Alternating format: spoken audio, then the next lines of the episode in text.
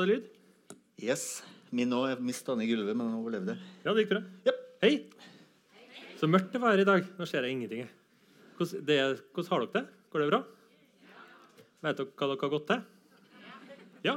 ja men Så bra. For nå begynner, det, begynner folk å komme tilbake. Det var, var, vi var veldig bekymra for den perioden.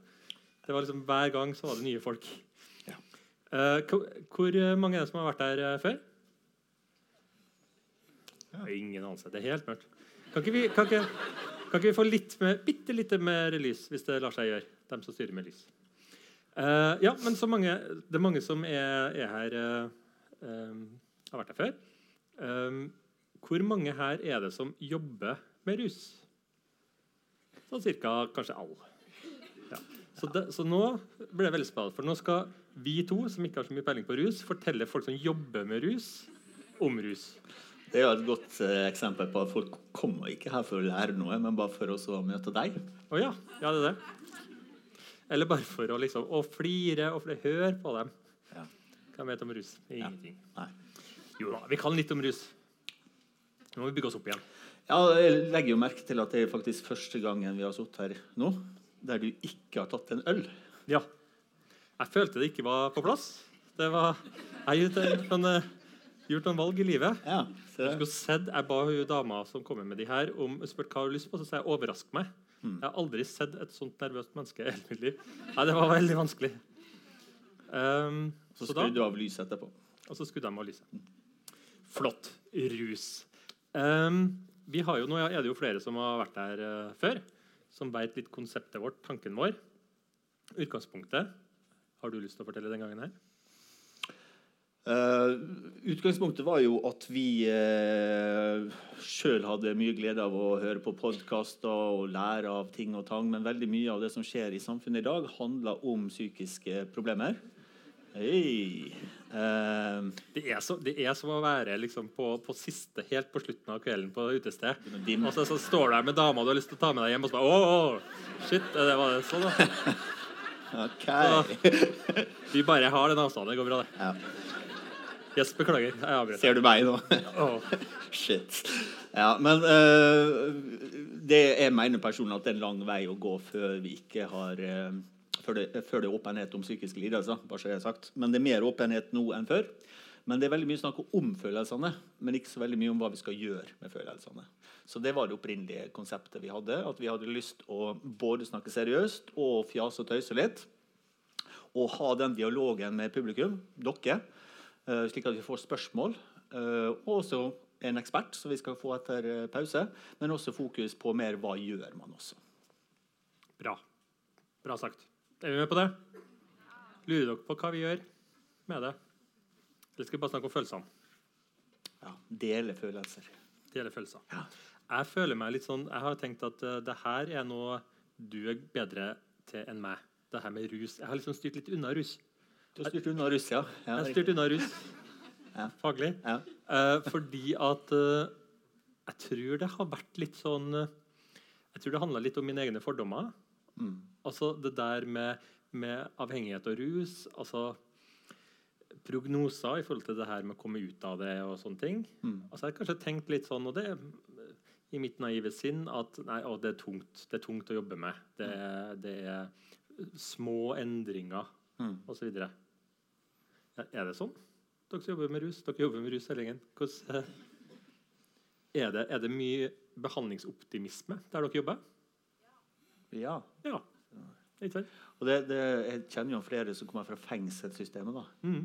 Og fengselssystemet, Folk som kommer i fengsel, kommer ikke i fengsel fordi de ruser seg. bare så jeg sagt. Eller det er ulovlig, og mye med, men veldig mange kommer jo fordi de, har, eh, de gjør kriminelle ting. Bombe. Eh, Men, eh, men mange av dem som gjør kriminelle ting, har jo blitt utsatt for fæle ting sjøl. Mm. Og har rusproblem. Ja. Så du bør egentlig spørre også dem som jobber i fengsel. For de jobber jo, apropos på en måte du tenker at du er håpløs. altså Hvis du har rus, hvis du kommer en fyr til deg og sier at jeg har ruset meg siden jeg var tolv år, Mm. jeg har blitt mobbet og traumatisert, og nå sitter jeg inne for fjerde gang. Mm. Kjenner liksom optimismen bare eh, eh, eh, eh. Ja. Ja.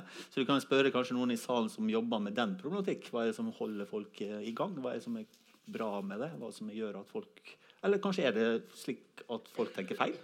Kanskje er det slik at folk som av han fyren her, da, han har god prognose. Kanskje sitter noen sånne folk i salen her i dag, for det jeg vet. Ja. Jeg tror, jeg tror ikke vi skal kaste oss ut i spørsmålene. Vi må, vi må varme opp litt. Mm. Kan vi ikke begynne å snakke litt først om hva, rus og avhengighet? Hva, hva er det?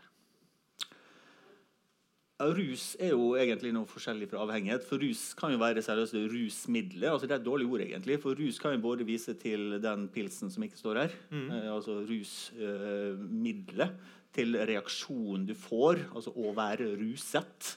Og så snakker vi om selvsagt, avhengighet. Og I dag så står det om rus og avhengighet. Og avhengighet er jo altså det er ikke alle som tar én pils og blir avhengig av pils.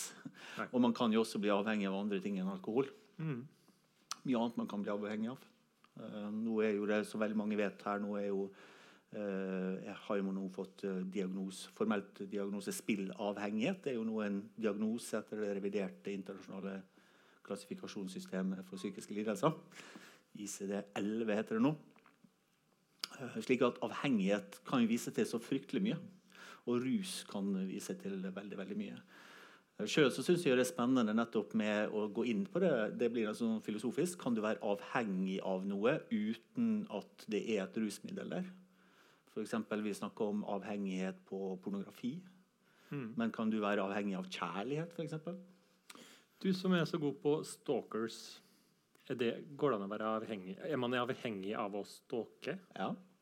Ok, Så det blir en avhengighet av Ja, altså Det finnes forskjellige typer stalking. Men øh, noen personer som jeg har snakka med som stalker, altså som er dem som faktisk gjør stalkinga, ka- sier jo ofte det at de er besatt av vedkommende. mm. Og Da er de avhengige av å vite hvor den personen er, avhengige av på en måte ta kontakt. Så mange vil i dag kunne si at det er en avhengighet. Men hvis vi forholder oss til klassifikasjonene, de ordentlige, formelle, offisielle klassifikasjonene, så er rus psykiske lidelser. På lik linje som depresjon og schizofreni og heisfobi. De er da på en måte klassifisert i en del av, eh, av eh, systemet. Uh, og så kan du være også for så vidt avhengig av flere rusmidler samtidig. Mm. Andre, andre, hva, hva kan vi bli avhengig av, hvis vi tar uh, smørbrødlista? Altså sånn Pilsen har vi nevnt. Ja, Det er også kalt alkohol. Ja. Alkohol. Mm.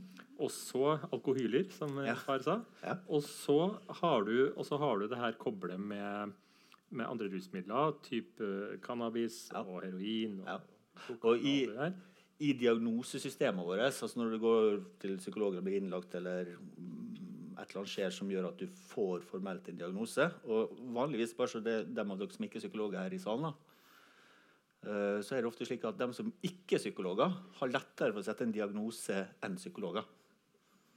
Litt sånn komisk. Altså Folk som ikke er psykologer, har ikke lov å sette ned diagnosen. Der. Men hvis du spør for i fengsel da, hvor mange eh, fengselsbetjenter som mener da at Petter har en depresjon, mm.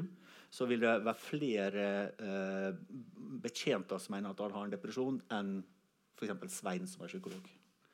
Så vi har en tendens til, å, når vi ser rundt oss, så sitter diagnosene, personlighetsforstyrrelse, avhengighetene, alle andre der ute, de har psykiske problem.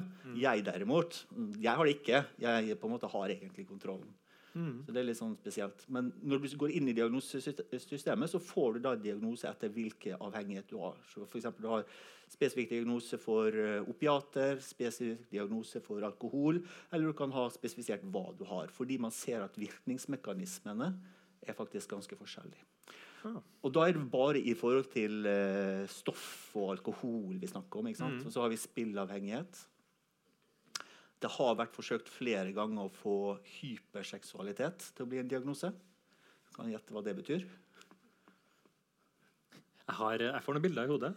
Hvordan, eh, ja. Eh, og før så mente man f.eks. at utviklingshemma eh, fikk var mer, ble av, mer avhengig av onanering, f.eks. Ik ikke noen ting som tyder på det, men man trodde det. Ja.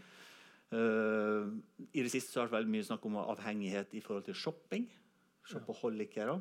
-hmm. Det er snakk om, og det er ikke formelt en diagnose, så slapp av, alle sammen. Eh, ja, det var en som begynte å skjelve der.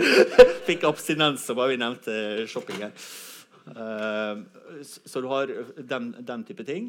Eh, og så er det flere og flere som, som viser til at du oppgangen mot tvangshandlinger. For eksempel, jeg jobber jo en del med folk som laster ned overgrepsmateriale av barn. Mhm. Mange av dem, når de blir uh, tatt, så sier de at 'jeg har blitt avhengig av den type materiale'. Mm. Så det kommer an på hvor, hvor, hvor, hvor bredt du, du definerer det. rett og Mm. Men hva er det som skjer da i hodet når vi blir avhengig? Man vet egentlig ikke det. Nei. Hjernen er en rar dings. Ja. Man vet ikke så mye om den. Man, man har noen tanker om at det kan ha noe med dem eh, Hvis du på en måte Dette her bare bildet ikke gjør det i virkeligheten, men hvis du stikker fingrene i rett inn her så de begynner å berøre hverandre, pluss der, så Ja. har du liksom det området som heter amygdala, og de grensene som går derfra, det som heter prefrontalt, at det er noe med såkalte D2 dopaminreseptorer. Ja. Beste jeg. Um, ja, altså det, dette her er, det, det er ganske komplisert. Det som er spennende, er at man ser at avhengighet, f.eks. rusavhengighet, og folk som eksempel overspiser Man snakker om for noen av spiseforstyrrelsene er slik at du overspiser. Mm. Uh, tvangsspising. Mm. Og det, det ser ut som det er samme område i hjernen som på en måte anførselstegn lyser opp da, når du bruker sånne, sånne skanninger. Mm. Uh, altså aktiveres. Når du overspiser, og når du ruser det med f.eks. Uh, amfetamin. Slik at man regner med kanskje at det er et eller annet der med at man, eh, at, man eh, at det er manglende opptak i noen reseptorer. Så på en måte kjører man på og kjører på, på for man får ikke den lysten. Altså, er det noe jeg spiser nok, så blir jeg mett og så blir jeg lei. Mm. Er det noe jeg ruser med nok, så blir jeg rusa nok og blir lei. Men de som kanskje får rusavhengighet, får ikke den skal vi si, rusmetthetsfølelsen. da. Nå kjenner jeg får kjeft fra hun Anette Hassel, som kommer her etter pause, så jeg håper hun kan eh, nå gjøre det veldig, veldig Veldig forenkla. Ja. Skal, jeg kan gjøre det enda enklere. Ja. Alt som er godt, kan du bli avhengig av. ja, takk. Ja. takk. Ja. Det er litt sånn. For dem som lurte, nå har du hørt en ekte psykolog forklare ting. Nå forstår dere sikkert det er mye bedre. Ja. Ja. Um, greit. Og så er det det er så mye å ta tak i òg, fordi at vi har eh, også lovlig, hvis vi går på de her diagnosene dine, da, og alkohol og, og heroin og alt det her Ja. Og så Noe av det er lovlig, og noe er ikke lovlig. ja. Men, men det virker ikke på meg som har noe egentlig Det virker litt tilfeldig, da. Ja. Og det er liksom At hvis på en måte noen hadde introdusert alkohol i dag Mm. Hvis det var en ny oppfinnelse Har du hørt siste nytt? Det er noe som heter alkohol. liksom Det kommer fra USA, brand new stoff på gata. på måte, Så har det sannsynligvis blitt forbudt. Ja. Eh, fordi eh, det er jo alvorlige skadevirkninger på det. Det, det sånn tanke. De er, da da har dere fått med dere i nyhetene, så er det en, en bil med cyanid som er forsvunnet. Det virker som de er mindre opptatt av å finne den bilen i forhold til å stoppe de som kjører over eh, grensa med ekstra sprit. -hmm. I forhold til hva som er vanskelig. Ja. Og alkohol altså Det er jo en sånn klassisk diskusjon jeg har hatt det mange ganger med folk som bruker hasj da, eller cannabis. Mm. At ja, cannabis burde ha vært lovlig. Mm. Og det er en sånn diskusjon som vi ikke tar, for cannabis er faktisk ikke lovlig. bare så jeg har sagt. Nei. Men i forhold til eh, Nå nå skal ikke jeg skli for mye inn i på en måte rettspsykiatrien og den dævelskapen, men i forhold til når du ser hvor mange som blir drept i verden, så er jo det folk som krangler med eksen sin i fylla. Så det er jo alkoholen som er den dødeligste rusmiddelet. Og det er jo da altså lovlig, da. Ja. Her. Jeg var faktisk i India en gang. ja. Uh, og da var jeg i en, i en eh, muslimsk delstat. For de har jo da, sånn, akkurat som i USA India med forskjellige lover etter hvilke stater du er. Der det var da forbudt med alkohol, men det var, det var lov med marihuana. Mm. Så da måtte jeg liksom kjøpe uh, alkohol på svartebørsen. ja. Mens du kunne kjøpe hasj sånn bare sånn 'Hallo, kan jeg få litt hasj?' Ja, ja, ja, hvor mye skal du ha? Så verden er uh, forskjellig. Men la oss nå si da at du hadde gått, eh, gått helt bananas eh, og kasta deg på hasjen da, framfor eh, alkoholen. Ja. Så hadde det vært faktisk mye mindre skadelig for deg okay. og alle andre rundt. For jeg har vært og henta ut Nå er det jo litt sånn, eh, nå ser jo ikke dere, men jeg har funnet ut en sånn graf da, på hva er det som er farlig. Eh, og farlig for en sjøl og i forhold til andre. Det er, bare så, det er to ting. Farlig for deg sjøl. Mm. Hva betyr det? farlig for seg sjøl at du kan få en hjerneblødning Ja. og dette om, Ja. eller at du ødelegger deg sjæl, på en måte. Ta livet sitt, kanskje. Ta livet sitt osv. Ja. I motsetning til farlig for andre, hvor du ruser deg og kjører på noen, eller du gir eh, noen banke opp noen, eller Dreper noen. dreper noen. Ja. Mm. Du måtte dit. Du måtte Mm. På Brøset. Ja da. ja. Eh, sånn at alkohol er desidert farligst på en sånn harm score. En, en eh, score på hvor, hvor farlig et rusmiddel er. Eh, hvor 80 er maks, så er alkohol på 72. Ja. Eh, og så skal vi se her, da. Hvor langt ut på lista må jeg? Cannabis 20. ja. Og hvis du teller da fra verst til best, så har du Hvor mange bortover her? Du har 15? Her har jeg 2, 4, 6, 8, 10, 12, 14, 16, 17, 18, 19, 20 forskjellige rusmidler. for- ligger midt- skalert. Nesten midt på, da. Og cannabisen ligger sånn cirka midt på. Ja. Altså passe farlig. ja, det er passe farlig, og det, og det er litt farlig for andre, men mest for deg sjøl. Ja. Mens alkohol er mest farlig for andre, faktisk. Ja. Og nå lurer jo folk på hva, okay, hva er det minst farlige for meg. Og hva har vi da? Hvis dere skal på nachspiel etterpå, Ja. så anbefaler jeg fleinsopp.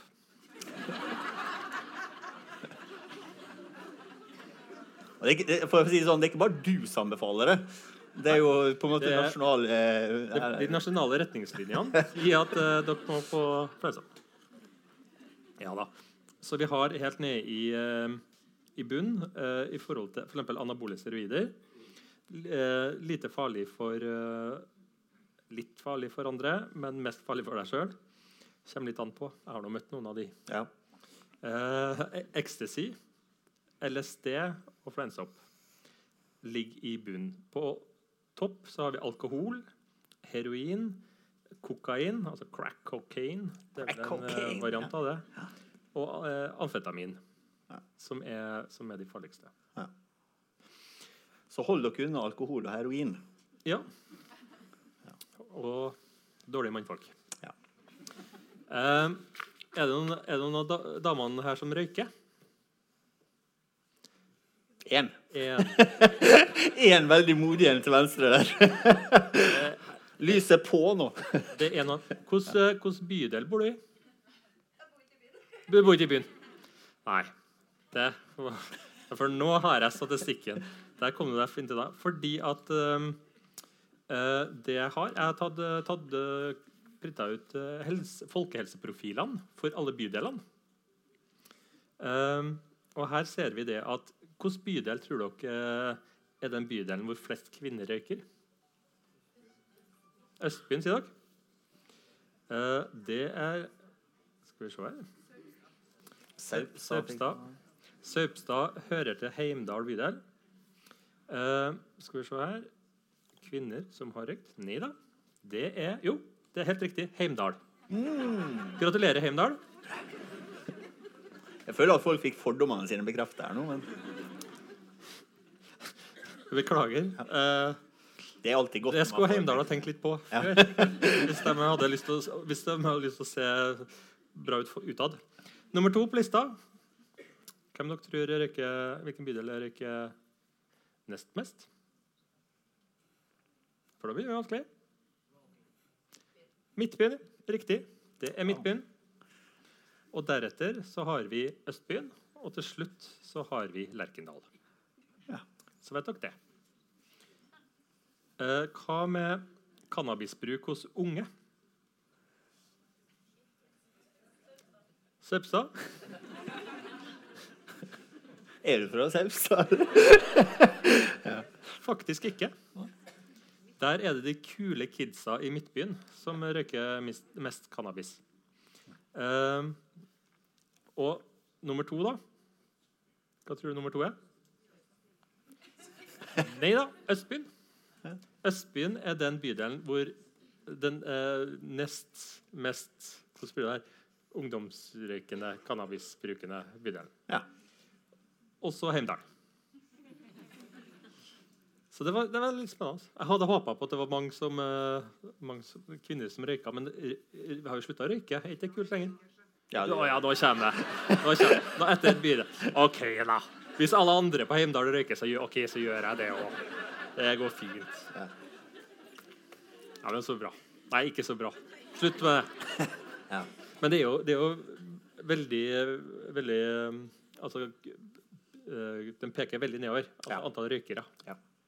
Men husker du det der med eskimoene? Ja. Har dere hørt det der med historien om eskimoene? Jeg vet ikke om det er sant eller men det er så mange eksperter her. Sånn. Jeg har liksom hørt at eskimoene brukte sin uminnelige tider, altså før internett og mobiltelefon og alt sånt, liksom for hundretusenvis av år siden, så satt de der oppe i Eskimoland eh, og, og venta da, sagde hull eller jeg vet ikke, banka hull i isen. Og så venter de på at en sel skal komme opp for å puste. Og når den kommer, så bare klapper de til han. Ikke sant? Det er det de driver på med der oppe. da. Og for å sitte der, kunne du sitte i tre-fire timer vet, og vente på denne selen der. Ikke den verste jobben, for så vidt, men uh, du sitter der, da. da. Da har jeg hørt at man røyker hasj. da. Eller eskimoene røyker hasj. For det er på en måte tidsfølelsen blir mye bedre, og du koser deg på jobb sikkert.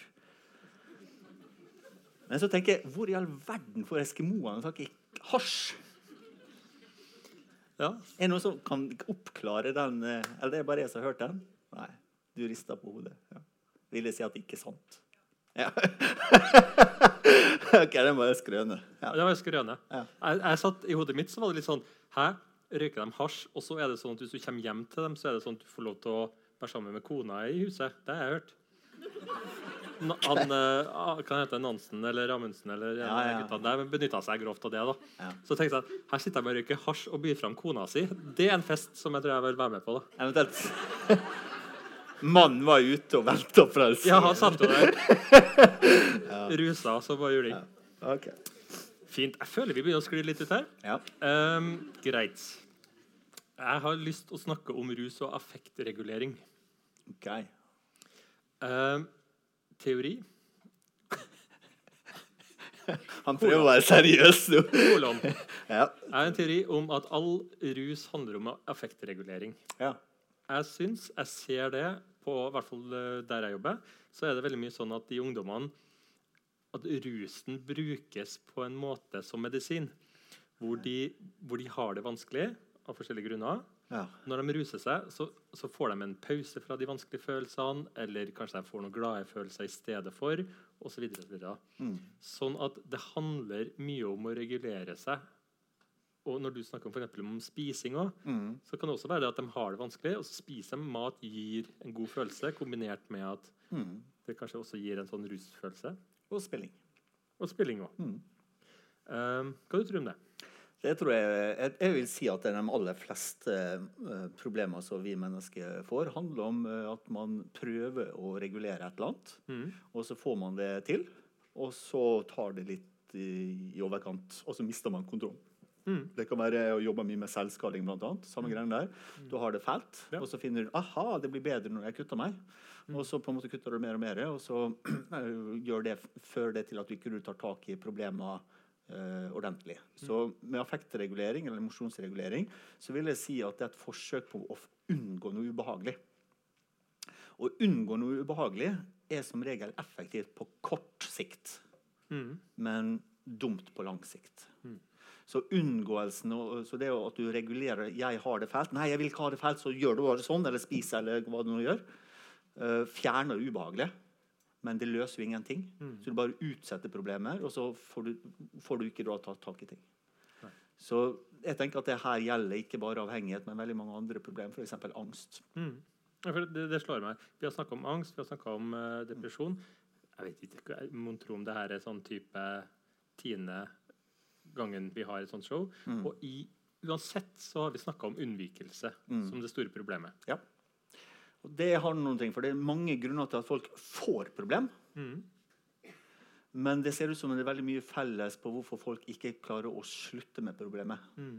Og grunnen til at folk ikke klarer å slutte med programmet, problemet er vanligvis fordi man gjør et eller annet som unngår ting på kort sikt, og så mister man på en måte motivasjon eller lignende. Det er det samme som jeg snakket om før, at man nå har begynt på av alle ting med LSD-behandling Mm. av, eh, av posttraumatisk stresslidelse. Sannsynligvis eh, effekten. For det er noe fælt å si det, for jeg var veldig superskeptisk til det her. Men jeg liker jo forholdet meg til forskning og tall, og tallene er overbevisende. For såkalt behandlingsresistent PTSD. Så når du får LSD, så tåler du å være inne i det ubehagelige. Mm. Så du går ikke med unnvikelse. Mm. Det er sannsynligvis det som gjør at den får, får, mer effekt når du har prøvd annen behandling uten effekt. Mm. Så det er et eller annet der med den unngåelse. Vi har så behov for å rømme vekk fra tanker, følelser, skumle ting, skumle opplevelser. Mm. Mens hvis vi skal ta tak i ting, så må vi faktisk tåle å være i det ubehagelige. Så rusen fjerner det ubehagelige, mm. men det fjerner også muligheten for å ta tak i ting. Men, altså, men, men det er noe som skurrer her. da, fordi at i, Fra min da, så var det jo de som som f.eks. hadde angst, mm. og så gikk de på de benzodiazepinene, mm. sånn valium og sånne type ting. Mm. Og så kom de da til meg, og så fikk jeg beskjed fra mine ledere og veiledere sånn at nei, hvis de ruser seg aktivt, mens de er, så, så skal du ikke behandle. For det vil ikke ha noe effekt.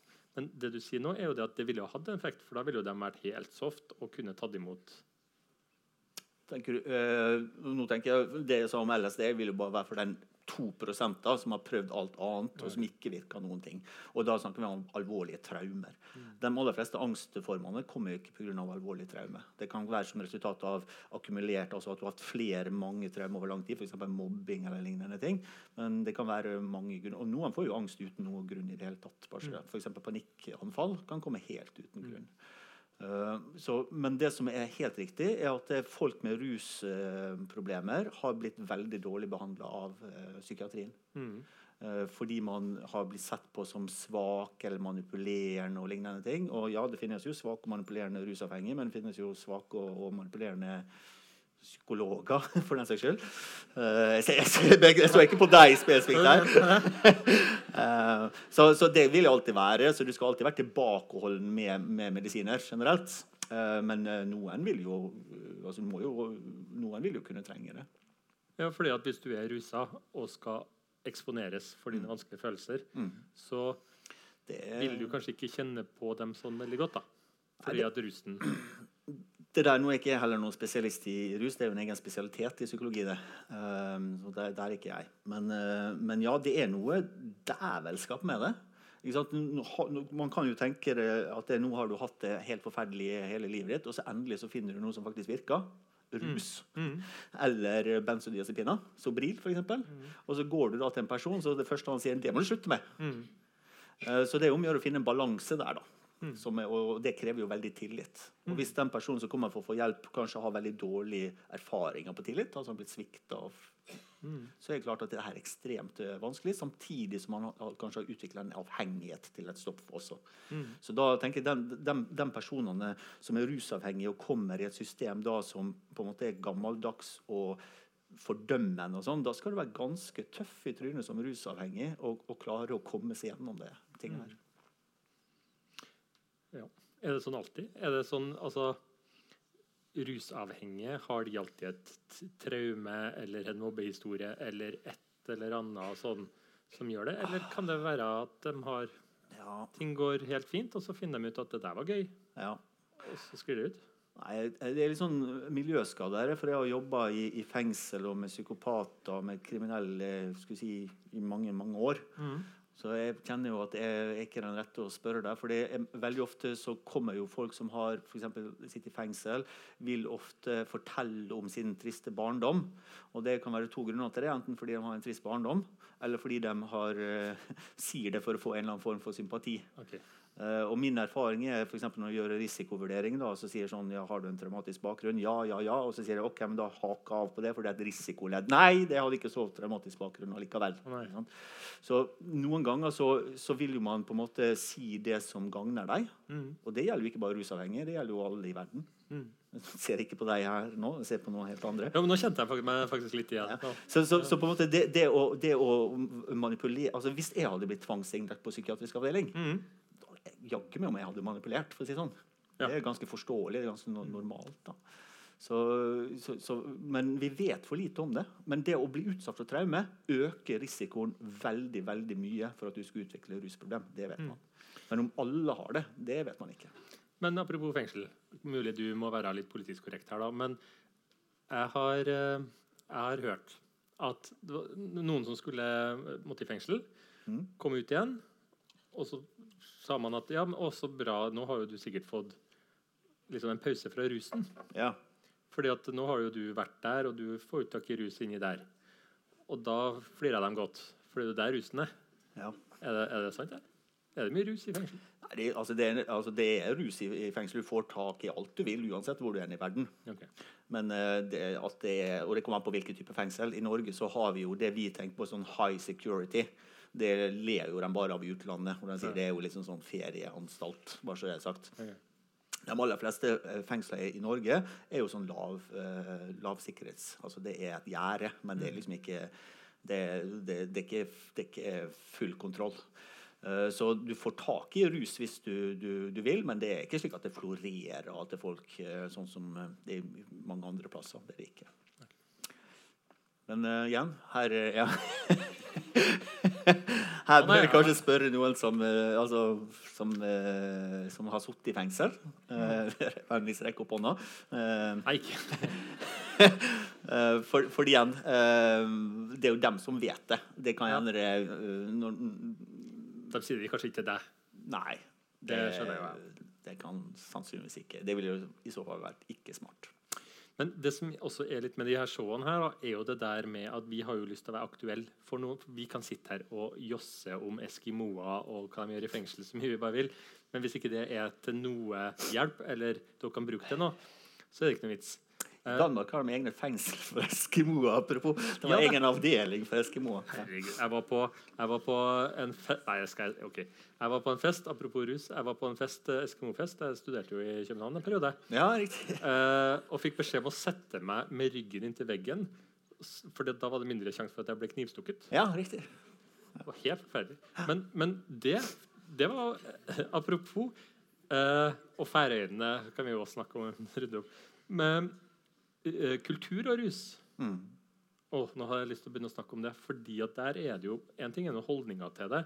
En annen ting er er vi biologisk forskjellige i forhold til det her. At det er noen som tåler det. Altså for eksempel, Det er jo mye snakk om indianere i, i USA som Mm. på en måte Lettere blir avhengig. åh, Det må vi spørre Anette om etterpå. Mm. Eh, men nå skjer Nå skal vi ut igjen. Mm. Vi har lyst til å ha med for Hva er det nå dere tenker på i forhold til det som har blitt sagt her nå? Eller som ikke har blitt sagt, som burde ha vært sagt? Mm -hmm. kanskje slå av Du som, du som uh, ikke røyka, men så røyka lell. Har du hun. Eh, for- nå er det Bare kaste deg utpå. Du skal slukke lys igjen. Så får Vi slukker lyset igjen. Um, det vi også kan gjøre, som vi gjorde sist, var at vi har eh, ei Facebook-gruppe som jeg sitter og har eh, tilgang eh, Facebook-side som jeg har tilgang til på telefonen min her nå. Mm. Hvis dere vil, under hele showet, så kan dere se sende inn spørsmål på Facebook-gruppa. Og så kan vi bare fortløpende ta det på scenen. Mm. Hvis dere ikke har lyst til å snakke høyt. Ja. Eh, det fungerte bra av to grunner. En av at vi fikk inn masse spørsmål sist. Mm.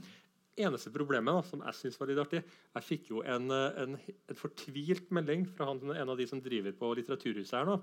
For temaet var vanskelig kjærlighet. Og da var det en fyr da, på Litteraturhuset som bare fått masse meldinger om hvor vanskelig det var med kjærligheten, og hvor fælt de hadde. Og han satt der og var kjempelei seg. da. Um, så ikke send det til Litteraturhusets side. Send det til, send det til vår Facebook-side. da. Og Vår Facebook-side heter 'Når ulven kommer'. Så hvis dere har lyst, ta opp telefonene, sett dere ned, skriv under showet når det, når det passer dere. God idé. Yes. Hva, um, det er mange her som jobber med, jobber med um, rus. Hvordan jobber dere med rus? Er det mange som jobber i førstelinjetjenesten her? Ja. Og så er det sikkert en hel del som jobber i andrelinjetjenester. En. Hvor mange som jobber med rus her? Generelt? Hvordan kan det gå an? Hvem er som hvordan, Du som rektor, var noen han her? Kan, kan på andre Var ikke jeg? Var ikke på andre rad her? Spør noe som er helt bakerst. Der, er- der Der. Fortell meg, hvor jobber du? Eller hvis Kjør ambulanse. Det er genialt. Ah, For der er det, de møter jo også mye, mye rus, selvfølgelig. Og det er det, der, eller? Ja, OK. Ja. Første respons. Ja. Ja, ikke sant? Um, en problemstilling dere har i forhold til rus?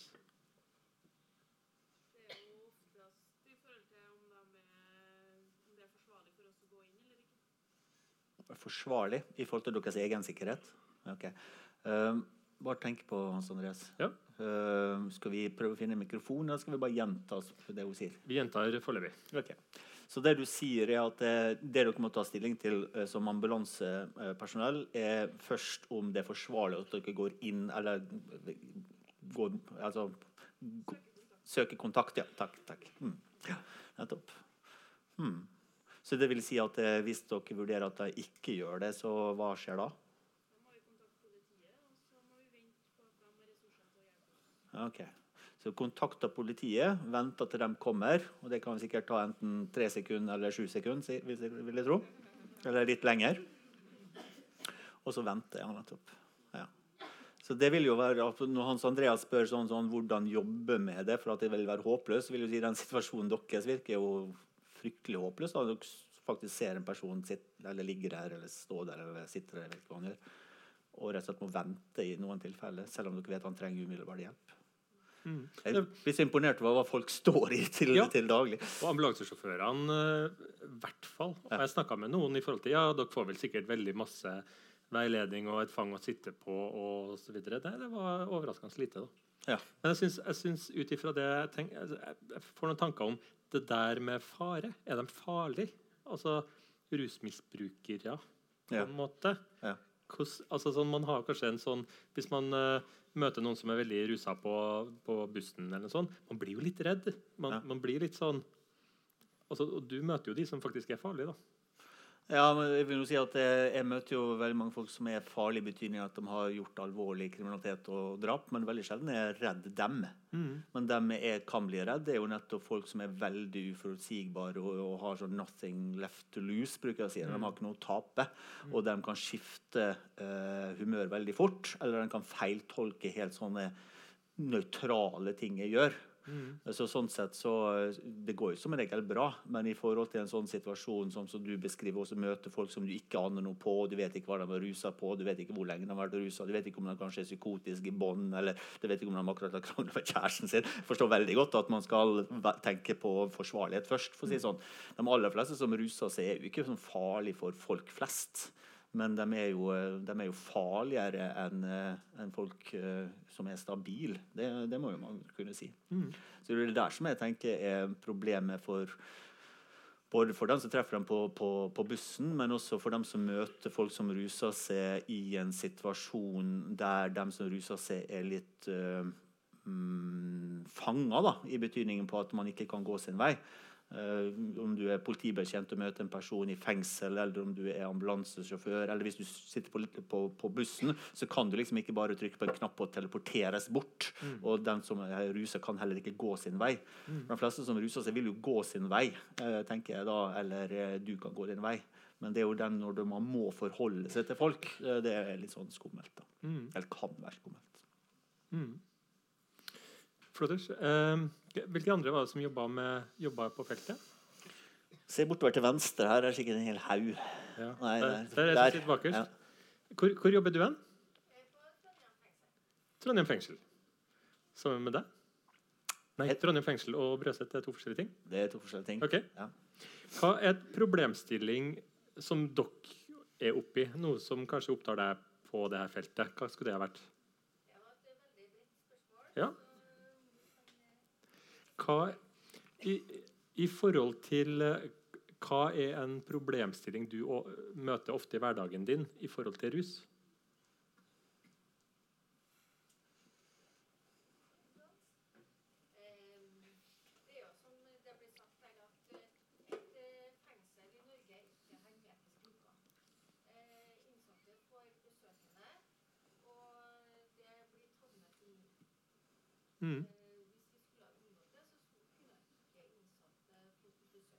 Mm.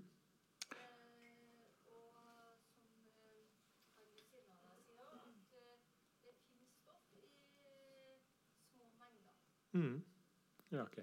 Og det, det, er en utfordring for dere. Ja. Så det du, det du, sier, er bare det at et, et fengsel er ikke hermetisk eh, lukka, og det kommer ofte inn stoff med eh, besøkende. Og det blir en utfordring. Ja. Mm. Mm. For det er bare Det er stoff og rus overalt. Mm. Ja, jeg husker en gang jeg skulle være med en fyr som skulle etableres i kommunen etter han har vært innlagt. Og så dro vi til en, en by, eh, Halden, da, for dem som har hørt om den byen. Uh, og vi skulle etablere han i et hus, og så hadde vi en tanke om at han må ikke være i nærheten av et rusmiljø. Jeg tror jeg brukte hele dagen, og så hadde vi en sånn lokalkjent. Er det trygt her? Nei. Er det trygt her? Nei. Nei, Han der gjør det. Så det var umulig. Nå vet jeg ikke om Halden var verre enn Trondheim, for så vidt. Men til slutt så måtte vi bare erkjenne det, at det, uansett hvor vi plasserte han i Halden, eller uansett hvor, det var jo begrenset med kommunale boliger, selvsagt, så vil det alltid være minst tre hus var det lengste vi kom, der det var en person som ikke hadde på en måte kunne gi han en eller annen form for Og da blir du litt sånn satt ut. På 70-tallet så var det sånn at det var et storbyfenomen. Mens Ja. nå når du drar til Nordreisa kommune, så er det jo like lett å få tak i der som det er på Trondheim torg, eller hvor man nå får tak i ting her. Ja, nei, men jeg har vært oppi, jeg har vært oppi noe lignende. Vi, vi, jobber jo med ungdom. da. Eh, og så måtte vi plassere et barn. og Så tenkte vi vi må plassere det på en måte ut av byen, for det kom seg inn i et veldig dårlig miljø her. Og så, videre. og så plasserte jeg det på ei knølete lita øy ute i Lofoten. Og bedre klarte ikke den bare sånn på kvarter og så bare snuse ut den andre personen der med noen utfordringer. Ja. Og så var vi akkurat like langt. da. Ja. Ja? Og det som er, det som er eh, fascinert av når det gjelder rus, er at eh, hvis du er for eksempel, hvis du, La oss si du selger, da. Selger dop, da.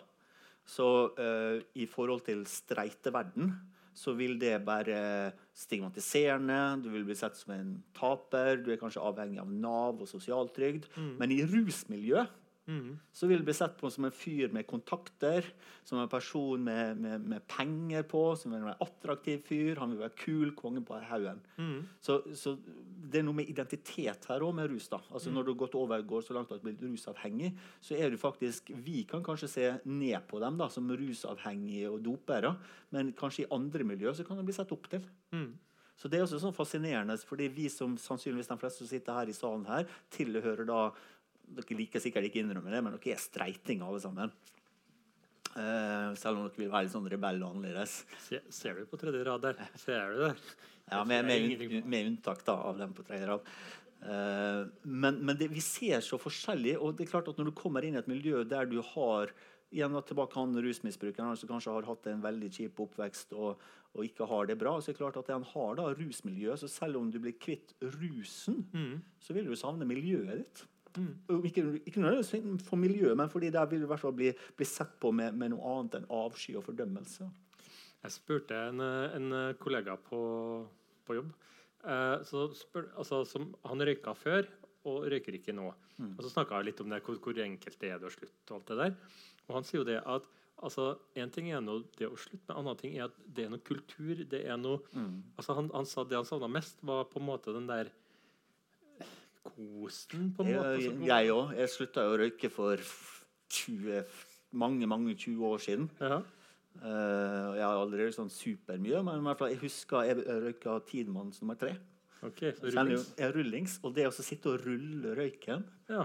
Så Av og til nå når jeg har pasienter som, eh, som, har, som tar dividyskinesi, altså at de, de har bivirkninger av medisiner som gjør at de skjelver veldig mye, så har jeg hjulpet dem å rulle røyk. da, og Da bruker jeg ekstra lang tid. da. Ja, cool. Da får jeg veldig lyst på på en måte å ha en eller annen unnskyldning. da. Og det, da, da bare tenker jeg at dette her var vanlig røyk. Som er da på en måte kjenner fremdeles Bare vi snakker om det nå, så får jeg lyst til å rulle en røyk i pausen. Ja. Og hvis jeg da skulle vært avhengig av heroin, og så slutta Ja. altså igjen, Da er du tøff, hvis du klarer det. Mm.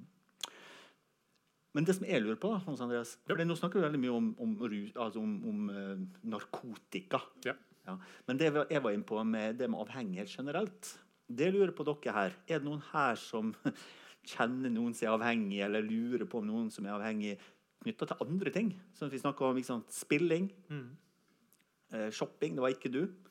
Eh, porno. altså, hvor, hvor er dere? Mat, overspising? Er det, som, er det noen som ser på, eller på en måte kjenner til noe til det feltet, eller som har spørsmål knytta til det, eller betraktninger om det i det hele tatt, det, det kunne jeg tenkt meg å er det, Rekk opp hånda alle som er shopoholikere her. Liksom. Det er sånn morsommere spørsmål. Ikke, ikke gjør det heller, men Forstår dere poenget mitt? Trening, ja. Treningsavhengighet, ja. Ja. Eh, var det bare en på en måte, slengt ut i lufta, eller var det et spørsmål? Eller har du lyst til å si noe? Tingen,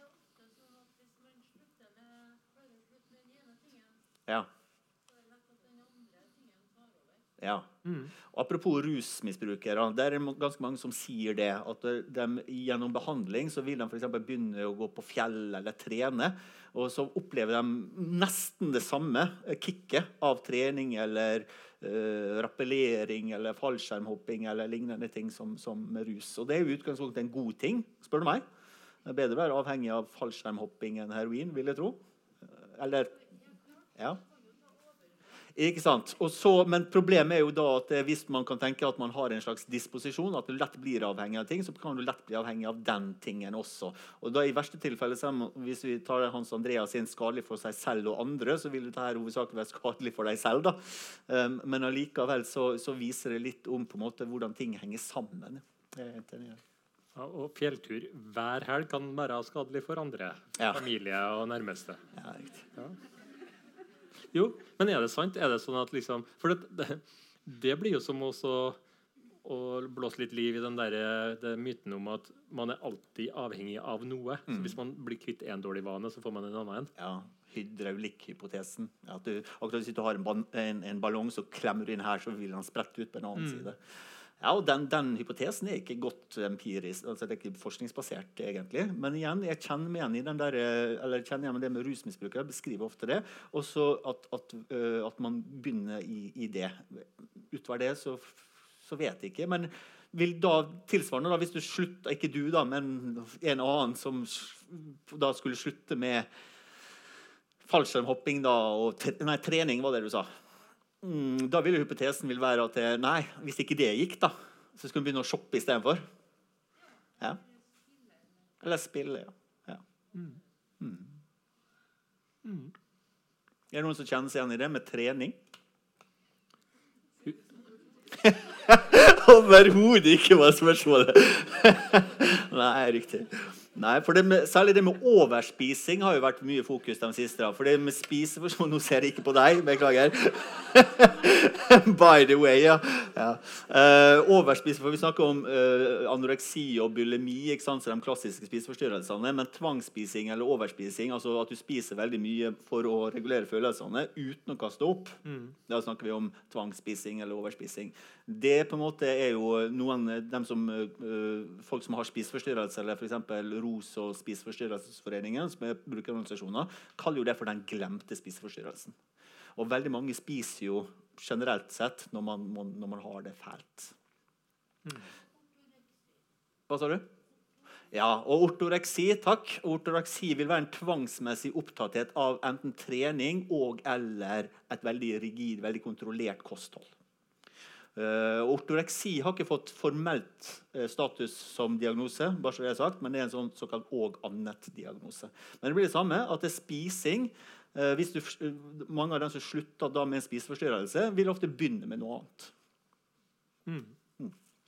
Flotters. Nå, er vi, nå begynner vi å bli litt varme. Gjør vi ikke? Jeg ser det at jeg ennå ikke har fått inn uh, de her eh, spørsmålene deres på sida vår. Men det hagler på nå framover. Et spørsmål i forhold til det?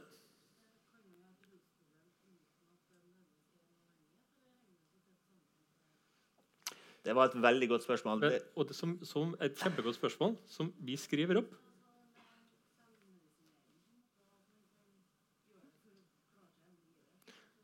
Ja. Vi, vi, skal ta, vi skriver opp spørsmålet, og så tar vi det etter pausen når vi har Anette her. Og da skal vi si det høyere, for det er ikke sikkert alle hørte spørsmålet engang. Nei, ikke sant? Sånn at, så det vi kan gjøre i pausen, er sende inn masse spørsmål som dere ønsker å ha besvart. Eh, er det noen andre ting vi må huske? Har det vært greit til nå? Ja, så bra. Flotters. Men du, vi tar ti minutters pause, og så, og så snakker vi med Anette etterpå. Ja. Yes, folkens. Da begynner vi å finne plassene. eh.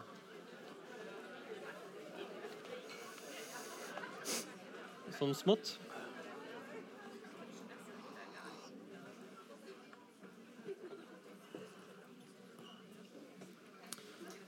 Yes, da er vi tilbake.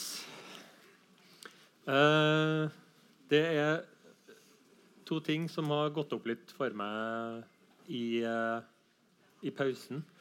Det, og det begge to går litt sånn på forutinntatthet, kanskje. Eh, nummer én så var det jo noen som eh, kom, kom opp til oss og spurte hvem er dere egentlig.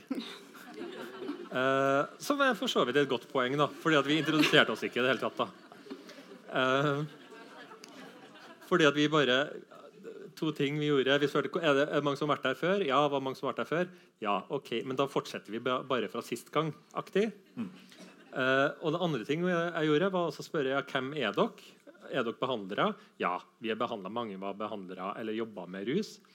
Uh, og så sa jeg OK, fint. Da snakker vi til dere.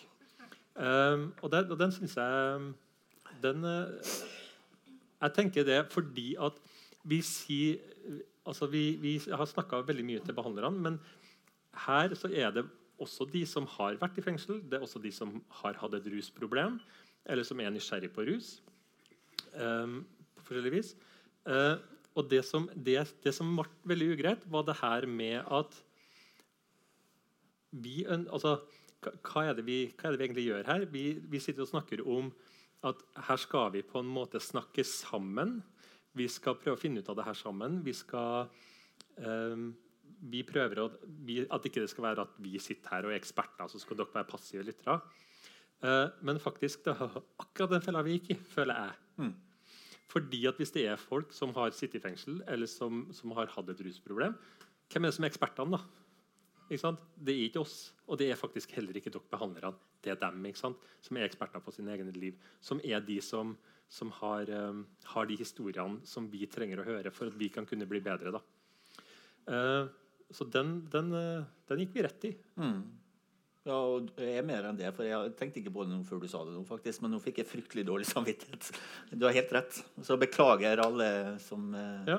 for, eh, Når jeg da ler sånn høyt jeg ikke sier det hvis du har sittet i fengsel eller har rusproblem, klart, mm. det er jo ikke verre det enn mange andre ting.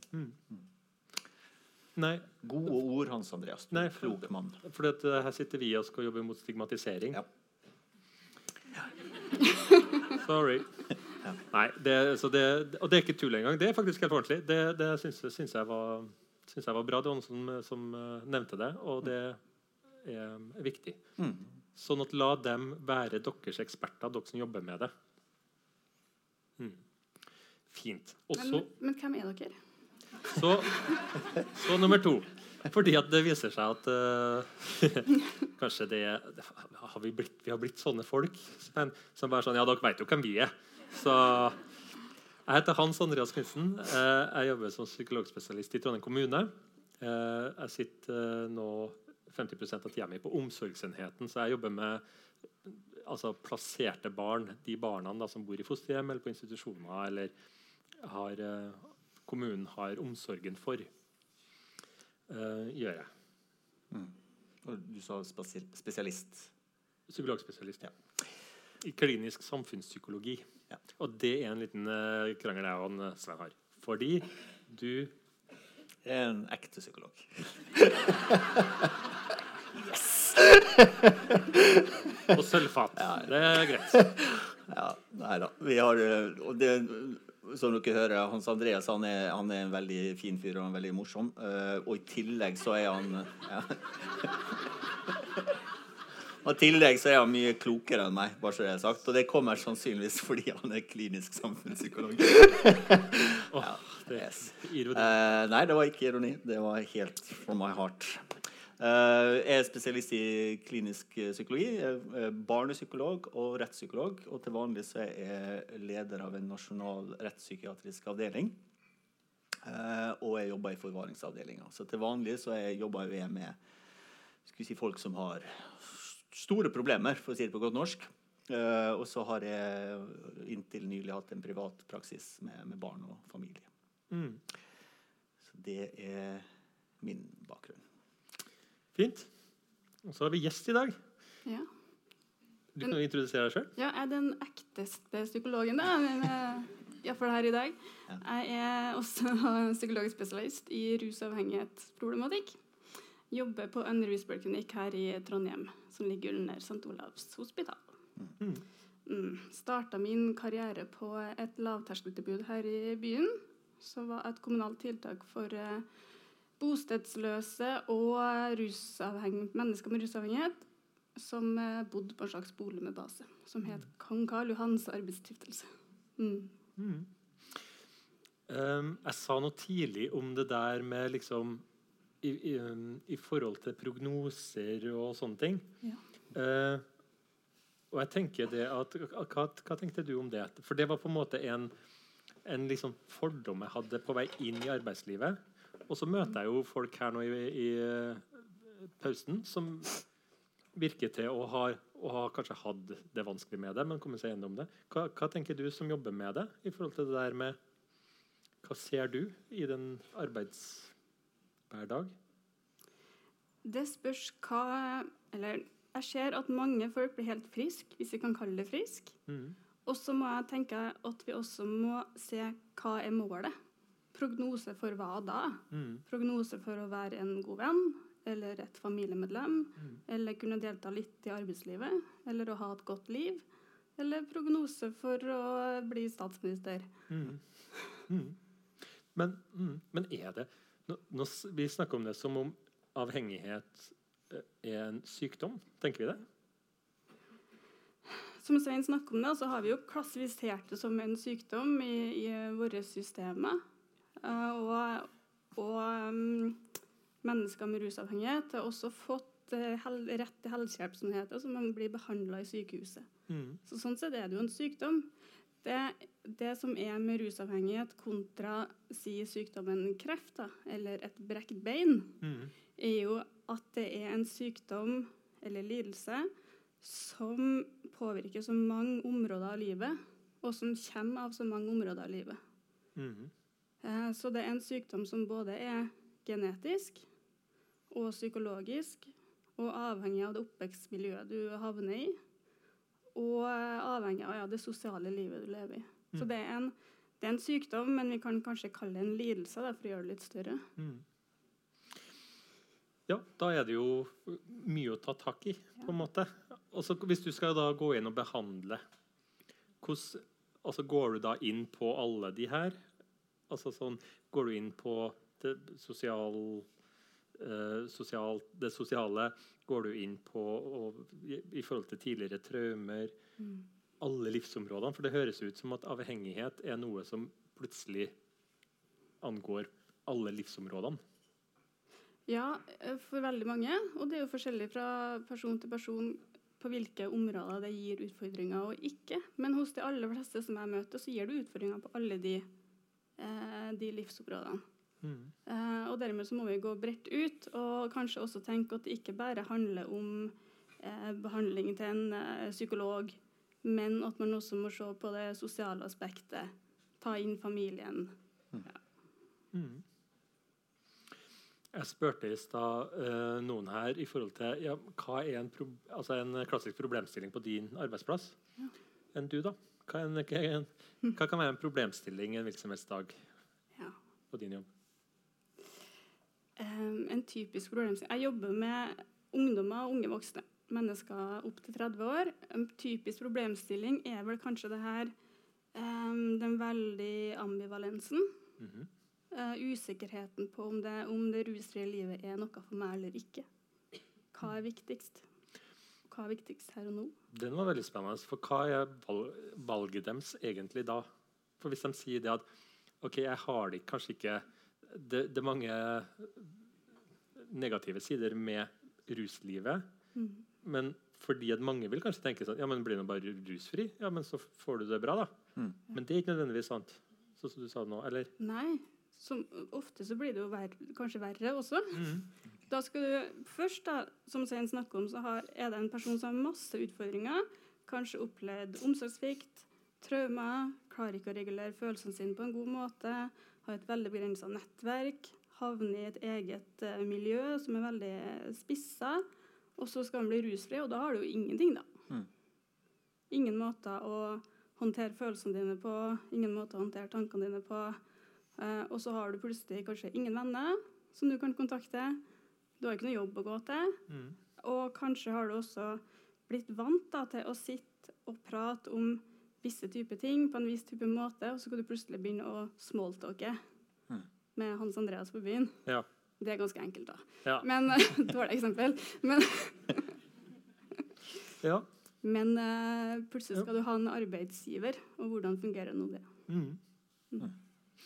Jeg sitter og lurkikker på spørsmålene. Det har kommet masse spørsmål inn. Supert. Før, før du går på de spørsmålene der. Ja. For jeg også fikk noen spørsmål nå i pausen. Mm. Du snakker om du pårørende, og Hans Andreas var på det også i forhold til hvem som er ekspertene. Og det, liksom, veldig mange øh, Jeg vil jo tenke det vil være fryktelig vanskelig å være pårørende òg. Mm. Uh, og så har du, fikk jeg også et spørsmål om det begrepet medavhengighet. Uh, pårørende eller medavhengighet, liksom, er det Kan du si litt om hvordan man hvilke utfordringer pårørende har? Eventuelt hvis du føler komfortabel til å snakke om medavhengighet, hva er det? Ja, medavhengighet er ikke et begrep jeg kjenner så veldig godt, og heller ikke har brukt noe særlig. Men pårørende er jo Det er noe jeg stadig har dårlig samvittighet for, fordi Ja. jeg ikke involverer pårørende nok. Jeg kan offe meg litt over pårørende, som er stressa på, barn, på sine, skal si, barnets vegne. Det er jo alltid barnet. Ja. Uh, uh, og pårørende som prøver så godt man kan å hjelpe. Og da er kanskje begrepet medavhengighet oppstår, da, når Mm. man prøver å hjelpe, men da gjør større skade. Ja, og hva da tenker du eksempel at man eh, Din rusavhengige sønn er blakk Ja. og kommer til deg og ber om penger. Du vet hva de pengene skal brukes til, men du vet ikke noe alternativ enn å gi penger. Ja. ja. Jeg, jeg var på en forelesning av en ganske kjent psykolog som heter Carolyn Logan. Mm. Uh, hun var her i Trondheim for et par år siden og fortalte det at det finnes i USA en plass så finnes det en slags hun kalte det bare for weed, altså en slags jeg vet ikke, cannabisprodukt som vokser ute i skogen, Ja. som uh, uh, hunder blir avhengig av. Ja. Hopper vi fra til et annet tema. nei, nei nei ikke, ikke.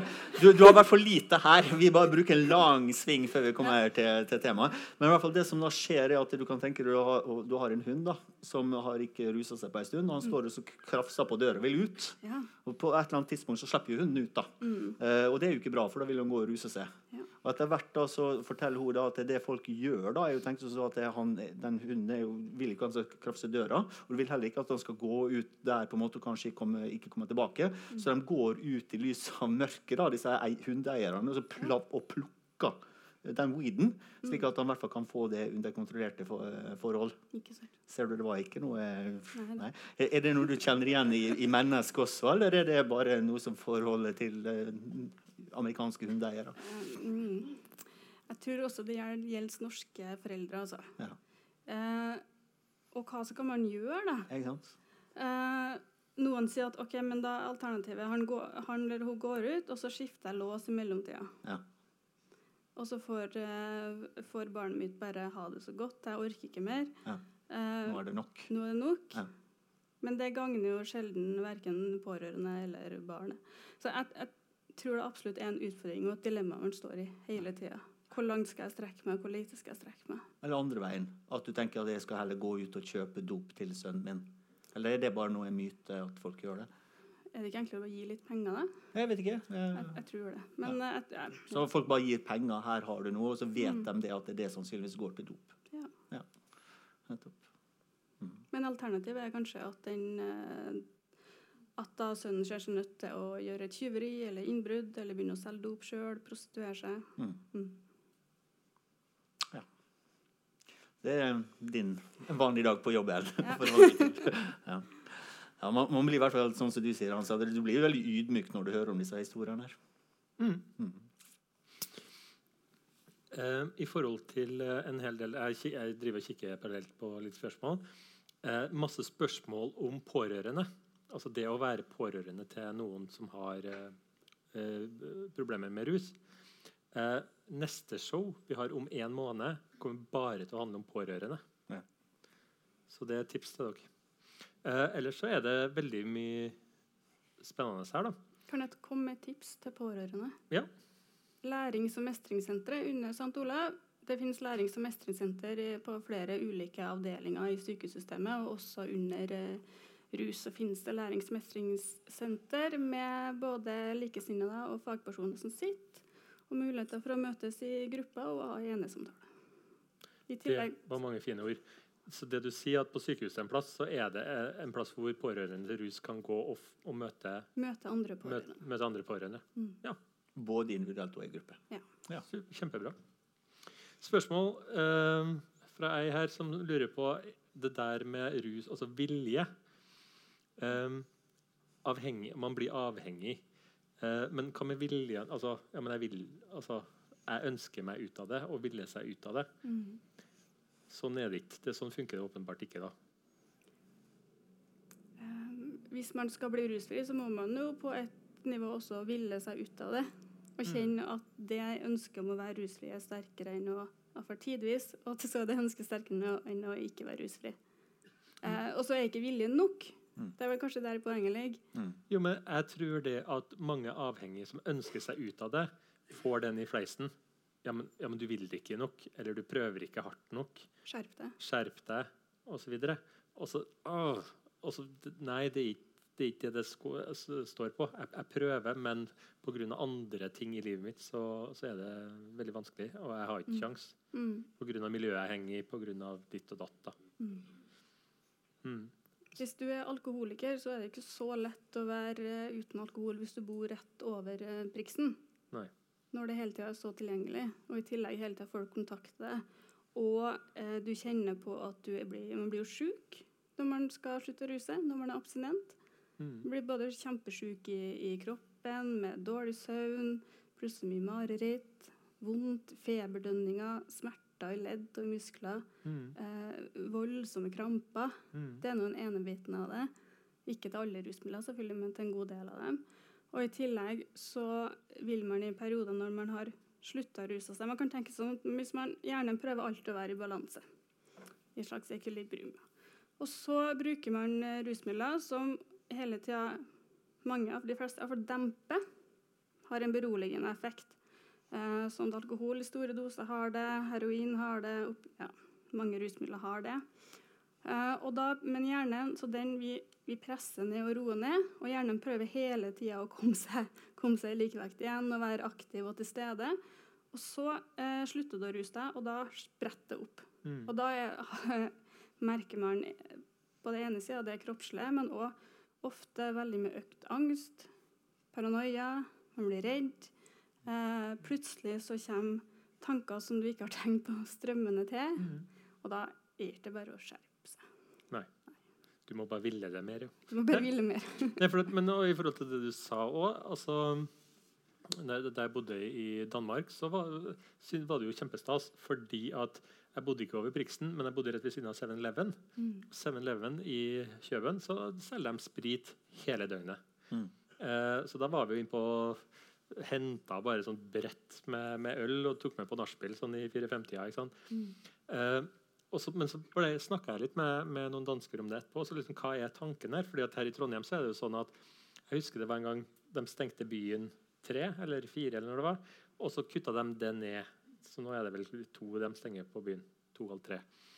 Eh, og, og øl får du kjøpt innenfor visse tider, på visse dager osv. Og så sa jeg det at eh, Nei, så var så, um, dialog med dem. Men hva, hva er det dere, hvordan tenker dere annerledes? Og da var det liksom den personlige friheten. Mm. Og så sier jeg det at ja, men da vil dere jo få veldig mye alkoholisme. Ja, det har vi. Mm. Og da, men det er også en sånn uh, Det er også en, uh, en sånn uh, de, de satte menneskets liksom, individuelle frihet Mm. høyere. Og så fikk de mye alkoholisme, så fikk de heller jobbe med det Eller, da, med tanken Mm. jeg ble fortalt. da. Var ikke det sånn i, i Danmark før da, at eh, de ikke hadde promillegrense sånn som vi har, men at eh, hvis du uh, kjørte på en ulykke, så fikk du desto høyere straff? Og så skifter de det på 80-tallet, sånn som jeg husker. Jeg har ikke sett på hva som det førte til, men da var det den samme biten at folk må sjøl få lov å vurdere det. Men hvis du da skjer noe, så må du ta høyere straff. Og da har du veldig tiltro til mennesket, spør du meg, da. Eh, som ikke ville tenke realistisk i den situasjonen der. Men det sier jo litt om hvordan vi, vi, vi da vil se ned på den som da ikke klarer å begrense seg. Så vi ser for meg at man vil kanskje være mer dømmende. da.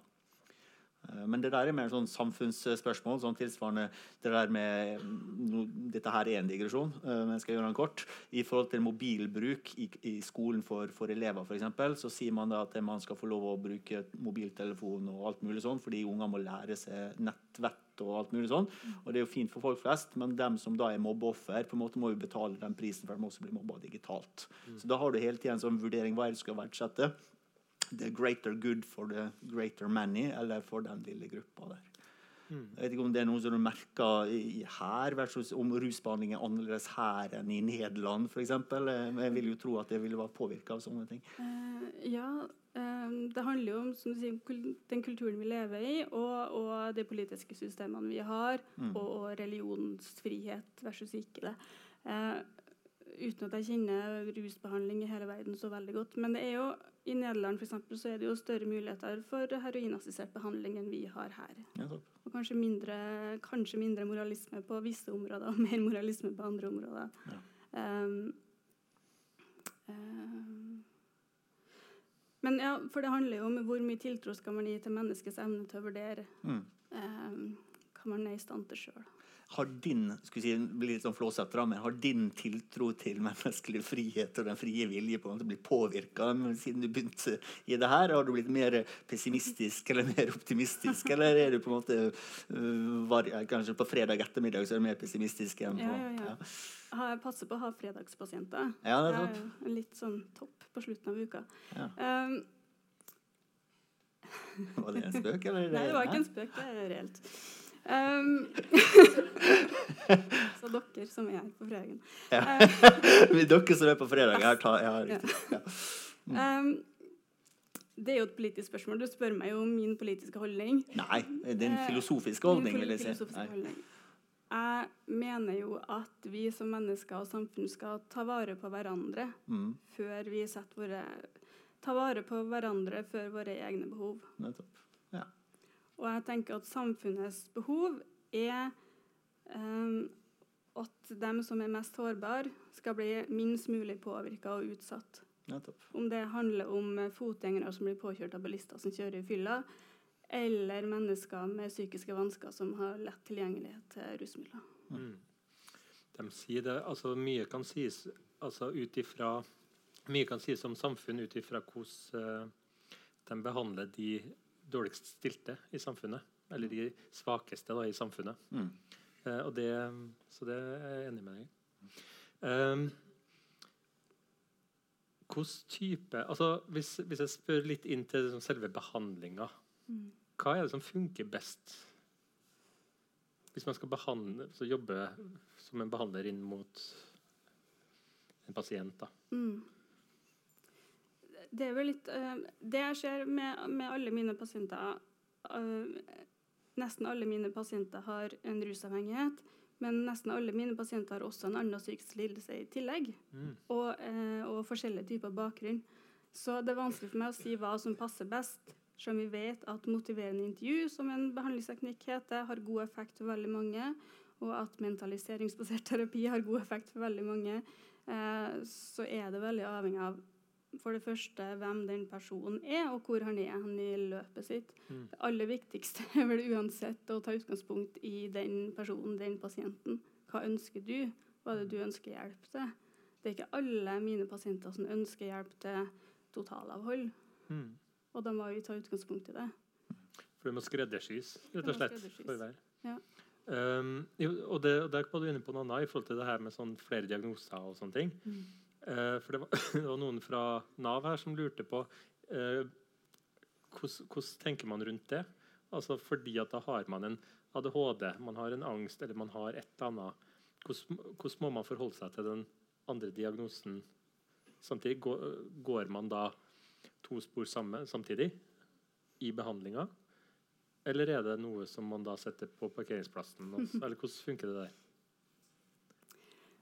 Eh, hvis, hvis det er en, en pasient med veldig alvorlig rusavhengighet, så må vi ofte behandle den rusavhengigheten og få pasienten som noenlunde rusfri og stabil før man kan jobbe med andre ting. Mhm.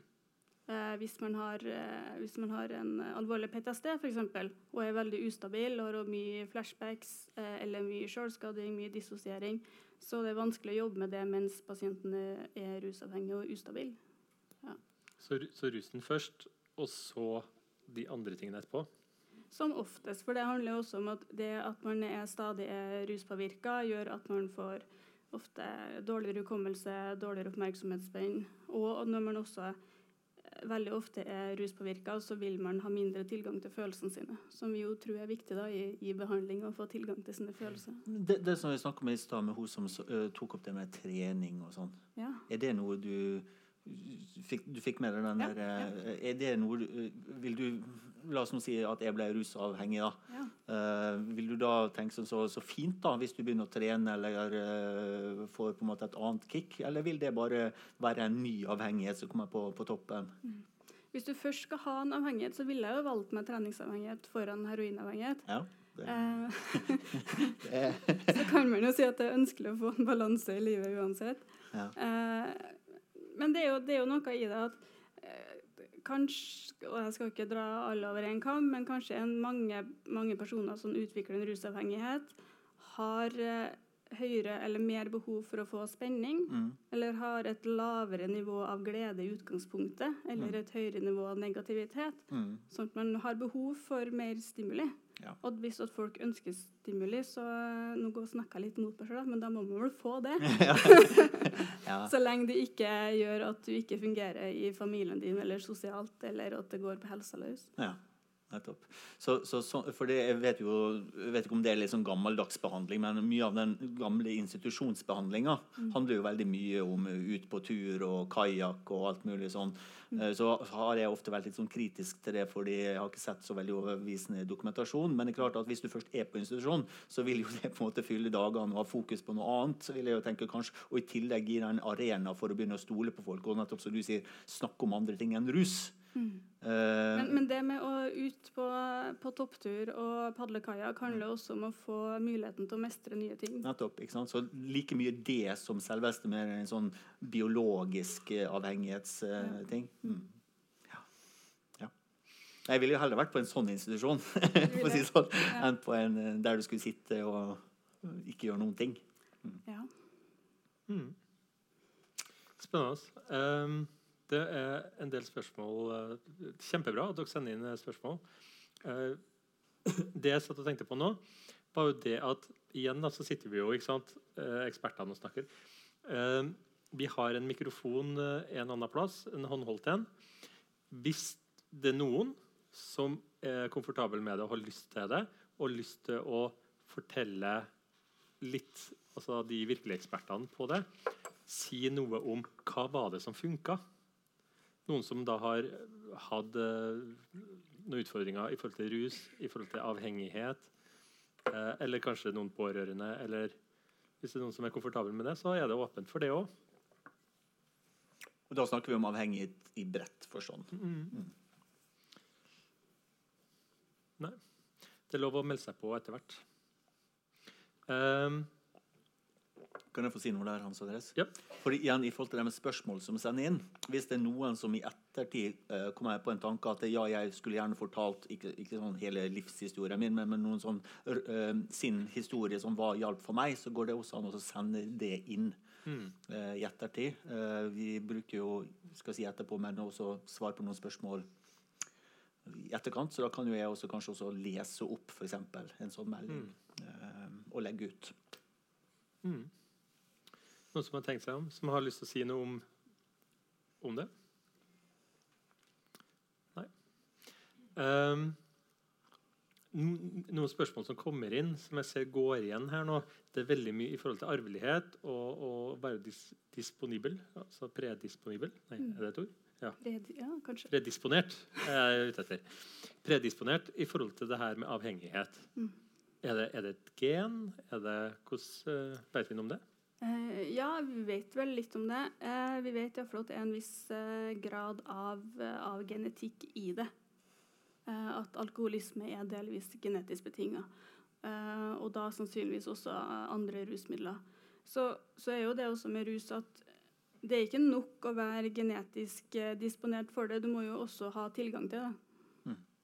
Du kan være genetisk disponert til å få en depresjon, og så blir du deprimert. Men for å være, hvis vi er genetisk disponert til å få en, opp, få en rusavhengighet, så må du jo også få tilgang til rusmidler Mm. Ja. for å bli rusavhengig. Er det er litt idioten her, da. Men, men er det litt tilfeldig? Altså Hvis du er predisponert for, å, for avhengighet, og så er det dataspill jeg kommer over, eller det er alkoholen jeg kommer over, eller noe annet, er det da tilfeldig hva som blir på en måte min last, eller? Det tror, ja, jeg skjønte hva du mente. Og jeg, har, jeg vet ikke. Vet ikke. Men det tror jeg. Ja, du tror Det du? gir jo mening. Jeg, jeg tror det at Jeg bruker å si grunnen til at folk får problemer, er det arv, miljø og flak, uflaks. Mm. ja. Så det er klart at eh, hvis du, Uansett om du er disponert for posttraumatisk stresslidelse, for eksempel, så er det klart hvis du blir gruppevoldtatt på vei hjem fra fest, så er det uflaks. for å si sånn. Eh, men spørsmålet er jo da når du blir utsatt for et traume, eller når du er disponert for et eller annet. eh, Spørsmålet er også da kobla til hva er det som gjør at du ikke klarer å komme ut av det. Det er klart, hvis du har få venner, hvis du har dårlige relasjoner, lite tilgang til behandlingsressurser, så vil jo problemet ikke være så nødvendigvis om du er disponert eller ei, men om du har tilgang til de støttene som du faktisk har. Og det er mer sånn, Nå skal ikke jeg bli for politisk her, da, men jeg mener jo at det fremdeles at det er altfor lite tilgang til psykisk helsehjelp her i, i, i Norge. Folkehelseinstituttet leverte en rapport nå i 2018 uh, som viste til at 76% av dem spurte mente at det var ikke tilgjengelige helsetjenester innenfor psykisk helse som de var i behov for. Og det er ganske trist. Apropos kreft og, eh, beinbrudd, så har du relativt kort og lett tilgjengelighet for hjelp. Men altså, dette er hva befolkninga opplever. Så da hjelper ikke om du er disponert eller ei, egentlig, hvis ikke du har tilgang til ressurser som gjør at du kan få hjelp. Og så er det jo i tillegg veldig mye mindre stigma knytta til å brekke beinet enn å ha en rusavhengighet. Og når du har fiksa beinet ditt, så kan du lettere få venner enn hvis du slutter å ruse deg.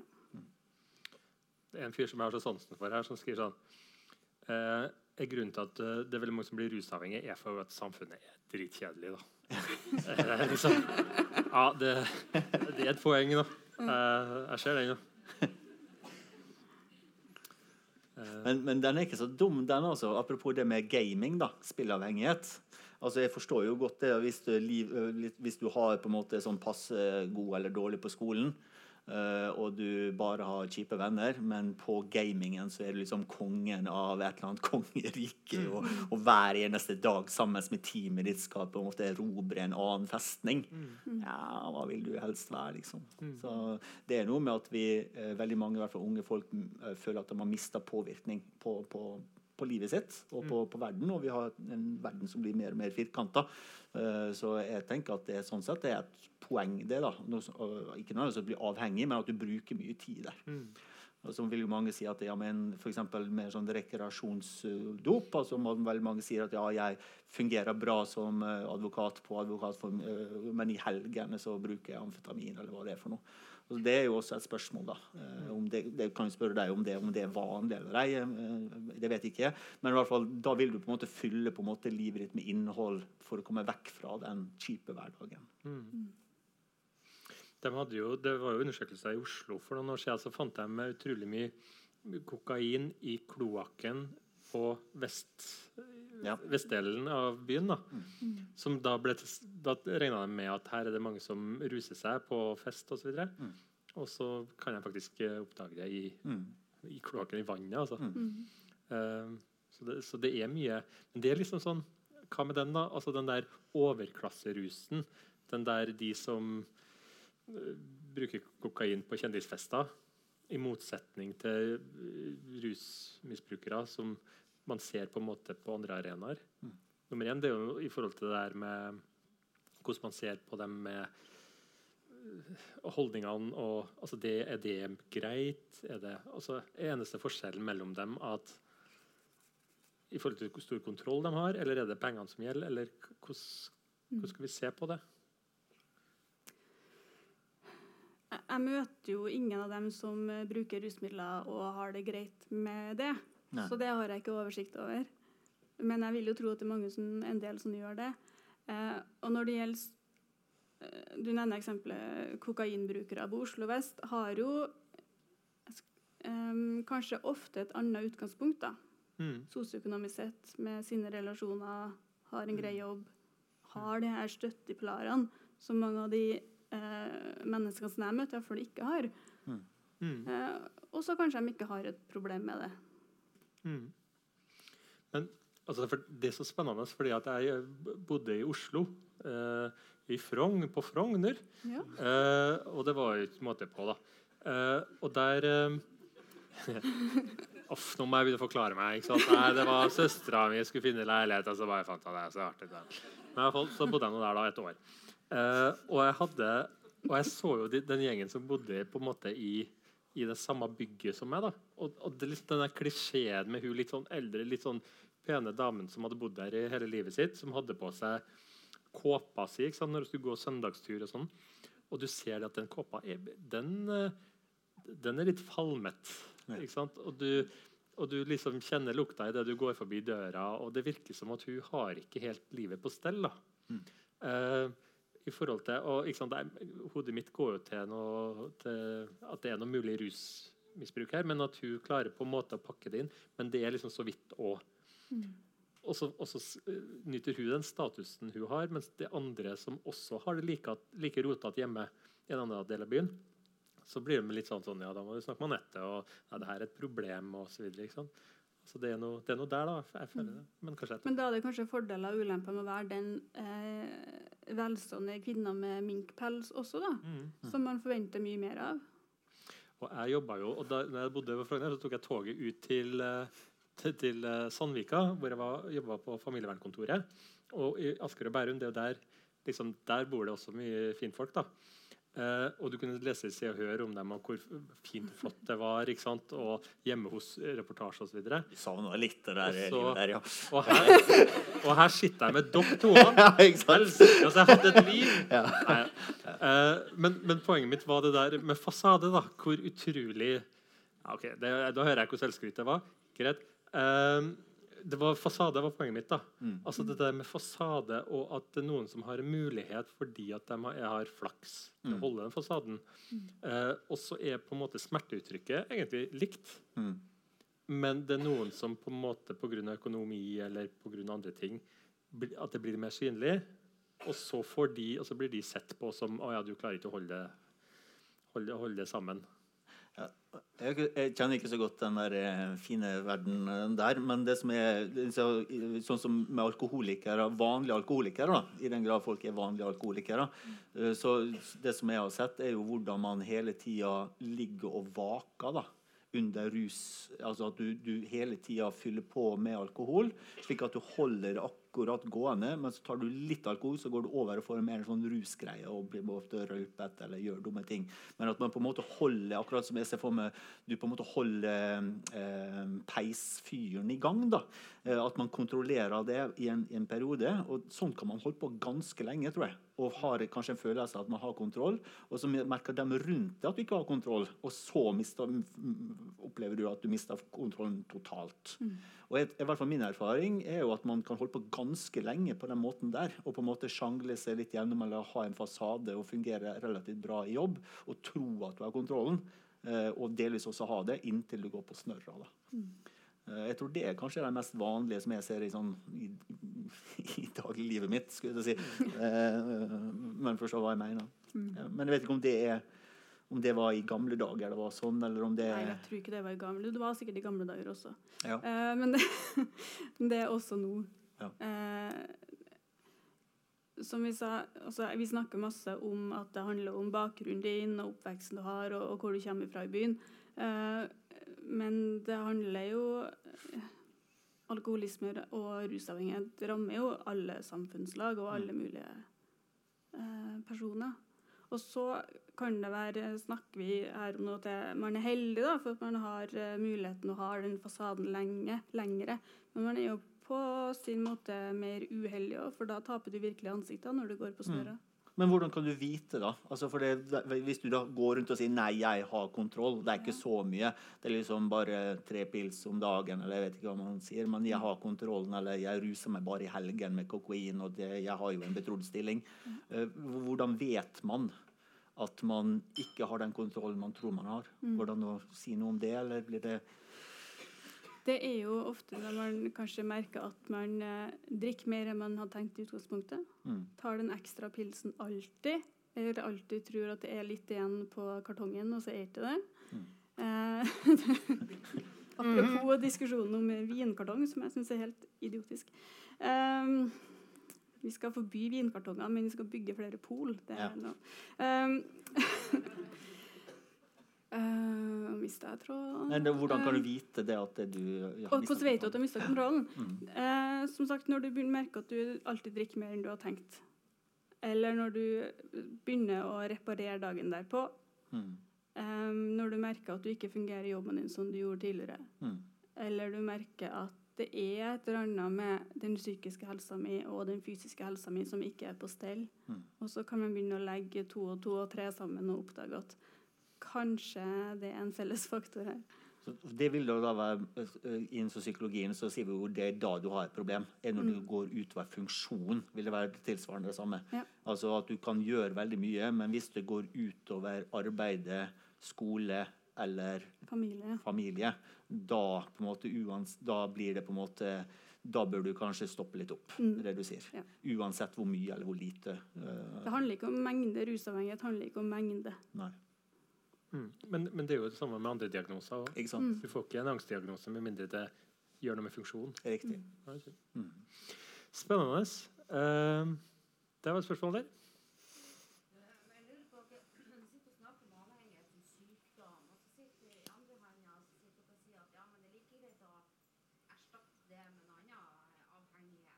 Men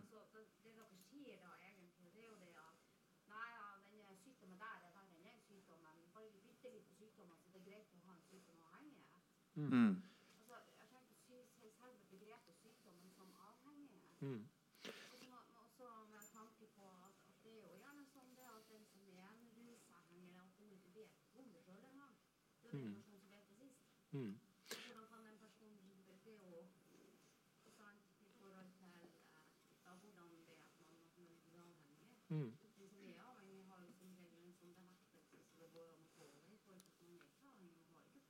Mm.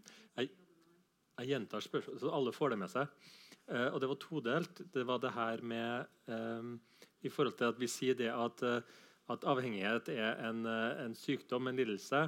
Også, men samtidig så sier vi at ja, ja, men, men du må gjerne bytte den ut med å trene veldig mye, som på, på sitt vis er på en måte en annen sykdom. Så, så vi sitter og vurderer hva er det som er de beste, den beste sykdommen å ha. Eh, og det andre er jo det at en alkoholiker for eksempel, er ofte den siste som vet at han er det. Det er jo miljøet rundt som ofte uh, ser det. Mm. Var det riktig? Mm. Noen tanker rundt det? Uh. Si det en gang til. At man, ikke, at man sjøl er den siste som forstår det? ja. Ja. Det er vel sånn med veldig mye. Ja. Ser ikke Hva heter det? Ser ikke torn eh, Hva heter det? Ser ikke, Hjelke i eget øye og sånn. ja, ser, ser splinten i den annens øye, men ikke bjelken i sitt Ja. eget. Mm. Mm. Uh, ja. Og, og da handler det også kanskje om at uh, Det handler om benektelse, som man sier, eller at det her er den beste mestringsstrategien jeg har. Jeg har ikke noen annen måte å håndtere livet mitt på enn å drikke alkohol. Eh, og det fungerer greit for meg. Eh, Men, men jeg, jeg ser jo det at det- er jo litt sant for flere typer lidelser. Og. Depresjon òg kan jo være en eh, Altså man, man sklir inn i det. Det der med utbrenthet for eksempel, er jo også noe som man plutselig sier at eh, jeg traff veggen til slutt. Jeg, jeg, bare, jeg visste ikke at jeg hadde det ille før plutselig det sa stopp. Og så videre. Men mange har sett det før Men- du har sett. Ja. Ja, jeg tror du har del, jeg er delvis enig med hun som sa det der borte. Altså, jeg tror det er veldig mye likhetstrekk mellom uh, rusmisbruk og mange andre ting. Mm. Men grovt sett så kan du dele inn f.eks. med angst. da, Så Mm. vet du veldig godt at du har angst.